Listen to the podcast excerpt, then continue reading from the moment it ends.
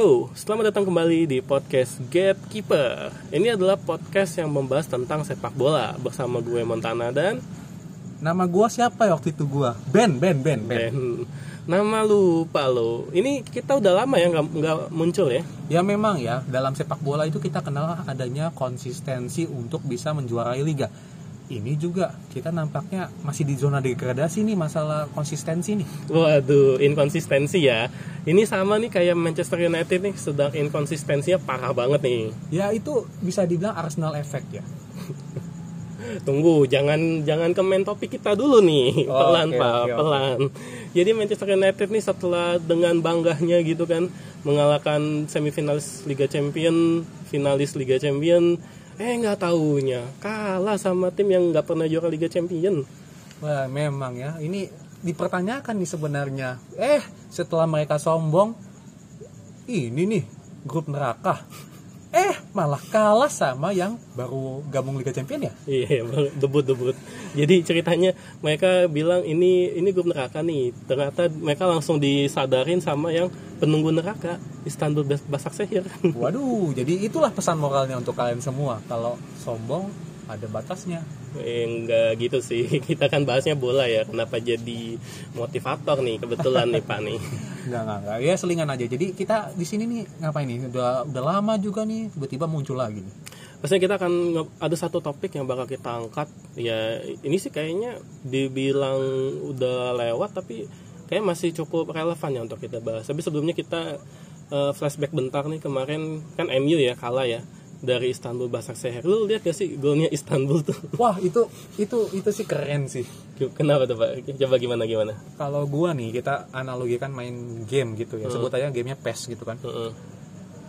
Kalau gua tuh tipe yang suka majuin back untuk corner. Ya corner atau set piece Ya, ya? itu itu pun dilakukan sama Manchester United kemarin gitu kan. Iya.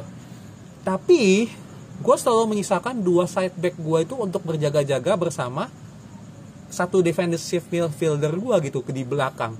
Hmm. Ini paling belakangnya itu Nemanja Matic. Ke mana bisakah sama Shaw?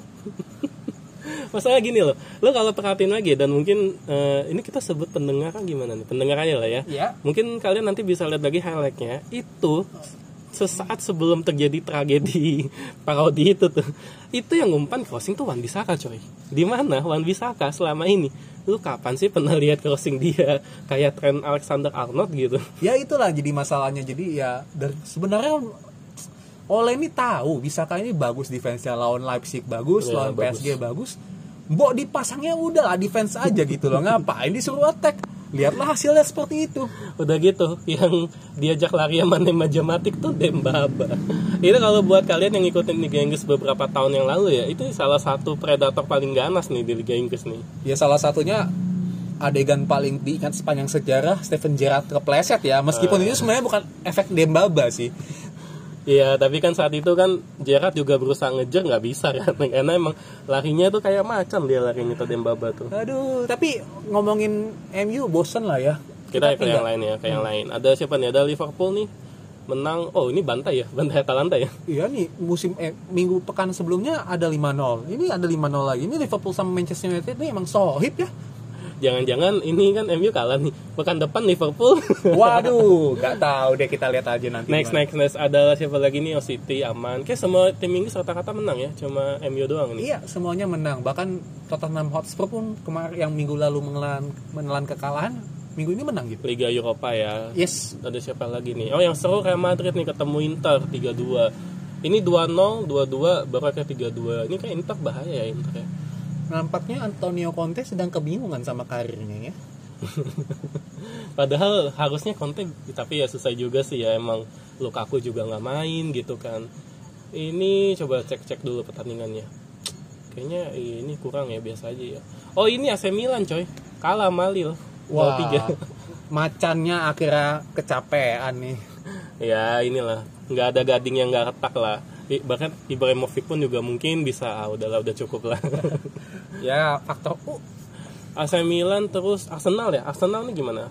Arsenal Menang ya? kebetulan menang 4-1 ya. Kalau gua gua jujur gak nonton Liga Malam Jumat ya. Ngeri banget. Tapi dua golnya giveaway ya dua golnya. cuma nonton highlightnya aja dan gue lihat ya gol bunuh dirinya ya ya sebenarnya semua, semua gol bunuh diri nggak sengaja ya tapi bukan suatu gol bunuh diri yang apa ya pok ya sus ya gimana gitu lah Ya tapi ini sih kalau gue sih nge highlight ini sih. Arsenal bisa 4-1 ya lawan siapa sih? Molde ya? Ya.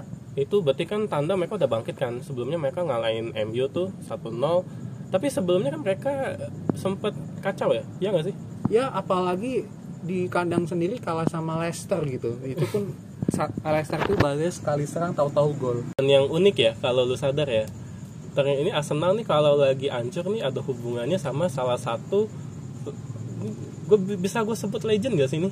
Kalau untuk dibilang legend ya mungkin kali ada ya. menyesuaikan sama kata-kata salah satu pandit di YouTube gitu ya. Eh, not even Kanu pun nggak belum sampai. Ya ada bintang lah. Jadi entah kenapa nih tiap kali Arsenal bermasalah sama nih salah satu bintangnya nih eh, jadi hancur tiba-tiba. Ya kita bisa langsung sebut saja ya namanya Erdogan. Wah, kenapa jadi presiden Turki? Enggak dong, inilah. Jadi dia ceritanya lagi datang ke salah satu pernikahan, dia jadi apanya sih? Bapak apanya sih dia? Er- Erdogan itu jadi wali Wali, wali Oh, nikah. saksi saksi saksi Saksi, ya, ya itulah nanti bisa dicek lagi lah. Di mana itu adalah pernikahannya Mesut Ozil.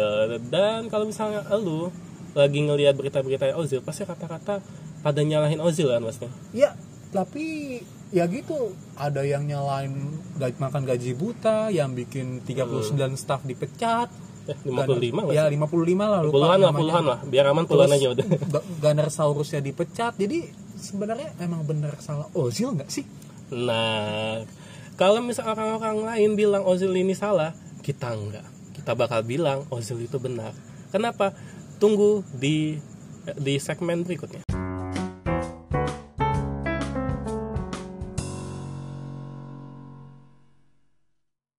Kembali lagi di segmen kedua ini bersama siapa Ben, gua Ben. gue yang Ben ya, bersama Ben dan Montana. Ini Ben ini bukan nama sebenarnya ya, by the way ya. Montana juga bukan nama sebenarnya nih Nama belakang gua masih benar. eh Ben itu nama pertama gue juga udah deh, panjang nih. Lebih baik nama Ben udah lah. Yang lebih penting tuh nama Ozil nih. Kan tadi kita udah janji kita bakal ngebahas eh, kalau Ozil tuh nggak salah nih. Berarti kita kayak bikin pledoi ya. Buat yang mungkin bingung pledoi itu apa? Pledoi itu kayak kalau misalnya lo datang ke persidangan, ini nih kayak pembelaannya nih. Jadi gimana? Coba lu bacain pledoi untuk Ozil nih. Ozil ini mengakui dan dia tuh merasa dikambing hitamkan ketika pandemi. Hmm. Kenapa? Karena ketika pandemi, Hmm. Corona ya ini ya. ya seluruh klub itu kan lagi sibuk-sibuknya pengen motong gaji. Hmm. hmm. Ozil menjadi salah satu orang yang menolak itu Iyalah, pastilah.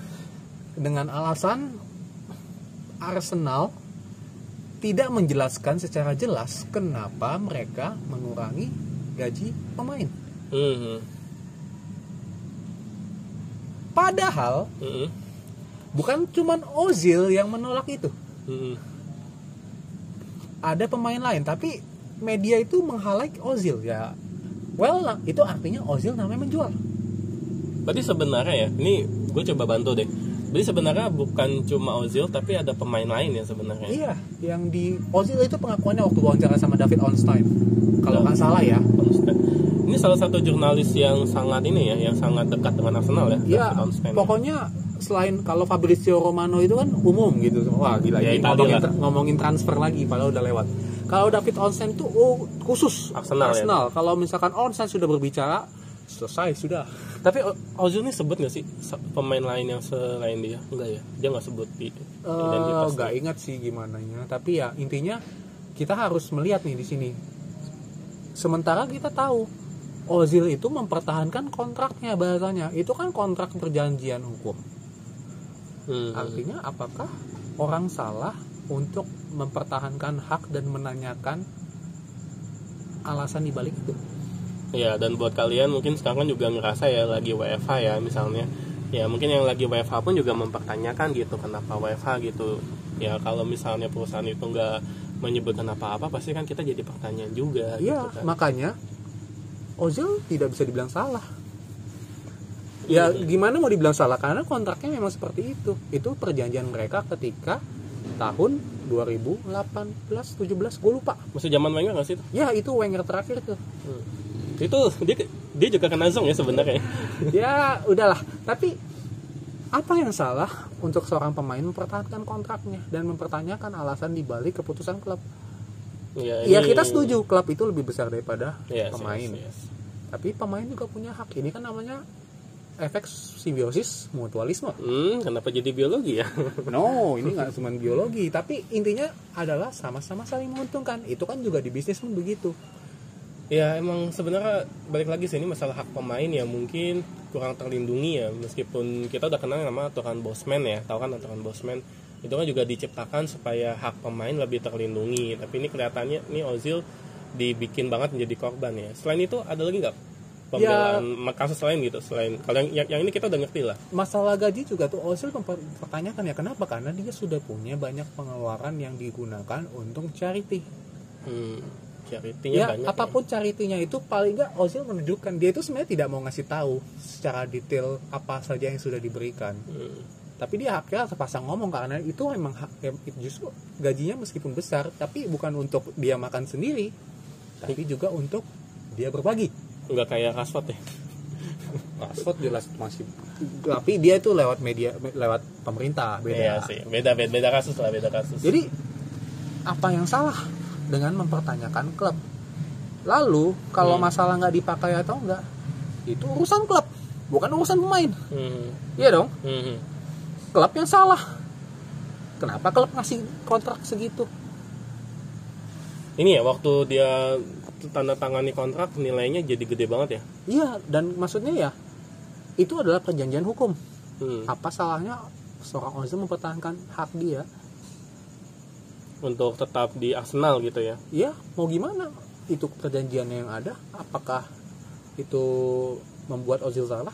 Jelas tidak di mata hukum. Tapi hmm.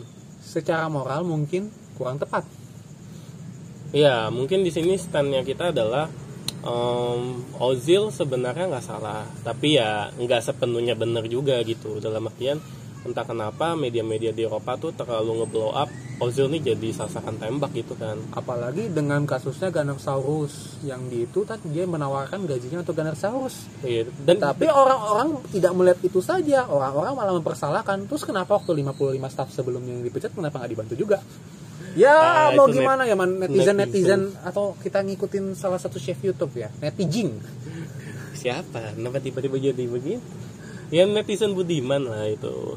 Cuma dari Arsenal juga kalau salah ini kasus ini gue masih ngikutin nih. Jadi kasus yang Gunnar Sarus ini salah satu maskotnya Arsenal yang dipecat ya ceritanya. Ini dia salah satu yang maskot paling setia gitu. Tapi Kalau- sebenarnya Arsenal tuh mengatakan dia itu tidak nah ini. memecat. Nah ini. Jadi sebenarnya Gunnersaurus tidak dipecat tetapi dia sementara di kalau orang sini mungkin ngomongnya dirumahkan. Ketika nanti ada penonton lagi dia akan diambil lagi. Tapi apakah itu salah seorang Arsenal melakukan itu? Selama itu adalah perjanjian antara Gunnersaurus dan Arsenal dan mereka sama-sama saling sepakat itu tidak salah.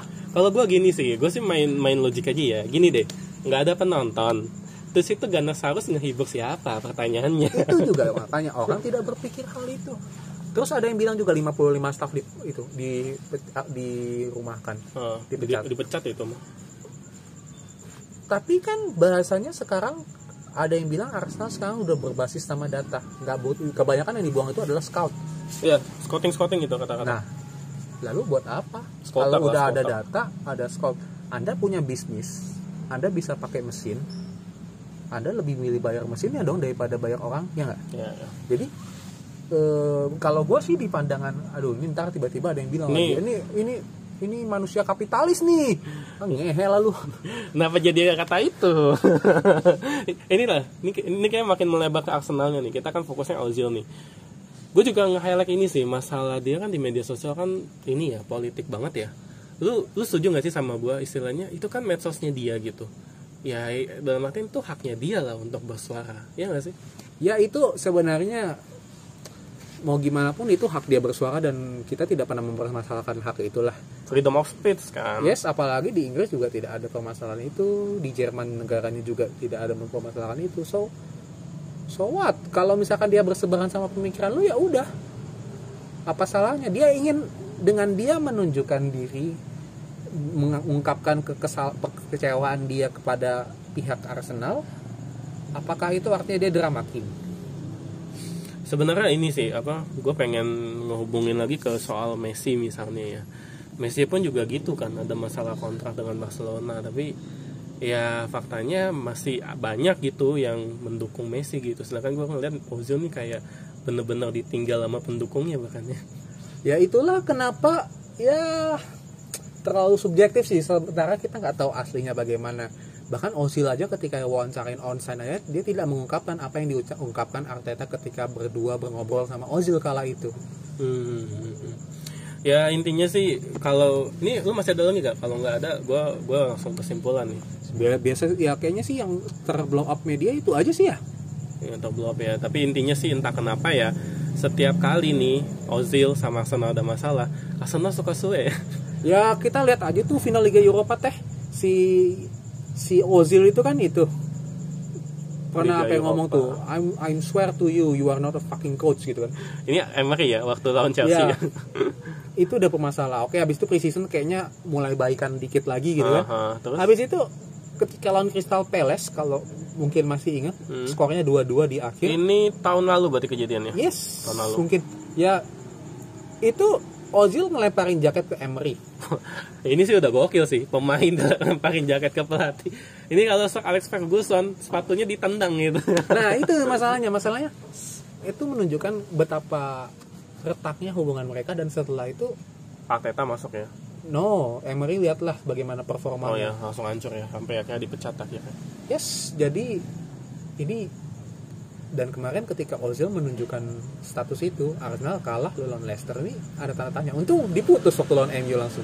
Bahkan sebelum itu juga bahkan sebelum itu juga yang lawan Brighton kan yang Arteta tuh yang yeah. Neil, Neil, Neil Maupay ya namanya ya. Ya even yang sebelum setelah Corona kan Ozil hampir tanda petiknya tidak digunakan. Itu juga lihat tuh Arsenal di awal-awal sebelum akhirnya bahkan harus menang lawan Soton aja itu dengan bantuan kiper Soton gitu tapi ya kalau gue pada akhirnya sih gini sih. Gue berpikir ya Ozil ini salah satu pemain yang gajinya termahal gak sih? Iya termahal. satu. tapi nggak dimasukin ke squad Liga Inggris untuk Liga Champion gitu. Terus lu terus lu gaji buat apa gitu? Ya itu itu akan jadi pertanyaan buat kita dan kita harus menunggu jawaban ini ini something visi sih menurut gue kayak aneh aja gue yakin kalaupun jadi manajemen Arsenal kalau masalah itu pasti Ozil akan dimasukkan mau sejelek apa pun. Karena seorang Nketiah ya tetap masuk gitu loh. Nketiah bagus loh untuk ukuran Inggris. Ah muka lu. Anyway jadi mungkin kesimpulannya adalah Ozil tidak sesalah seperti yang lo bayangkan gitu. Sebenarnya dia pun juga melakukan yang sekiranya menurut dia benar dan sah-sah saja soal masalah kontrak itu kan sebenarnya haknya dia ya gitu kan segala macam tapi ya mungkin kita kan nggak pernah tahu apa yang terjadi di dalamnya Arsenal apa yang terjadi dengan Arsenal dan Ozil cuma yang pasti dia tidak 100% salah oke okay? tapi gue yakin banget salah itu nggak di Ozil sebenarnya hmm. salah itu di Liverpool hmm. ini ini mau gue lanjutin nih, jadi dark joke nanti nih. Jangan. Oke, gue tahan, gue tahan. Lebih baik ditutup aja ya daripada dark joke gue keluar ya. Jadi sekian episode comeback ya, episode comeback kita nih. Sebuah pledoi untuk Ozil nih. Free Ozil. Ozil stay dong. ya jadi sekian, terima kasih banyak yang udah mendengarkan episode ini. Sampai jumpa di episode yang akan datang. Mudah-mudahan kita konsisten. Nggak seperti MU. Yo. Oh, thank you.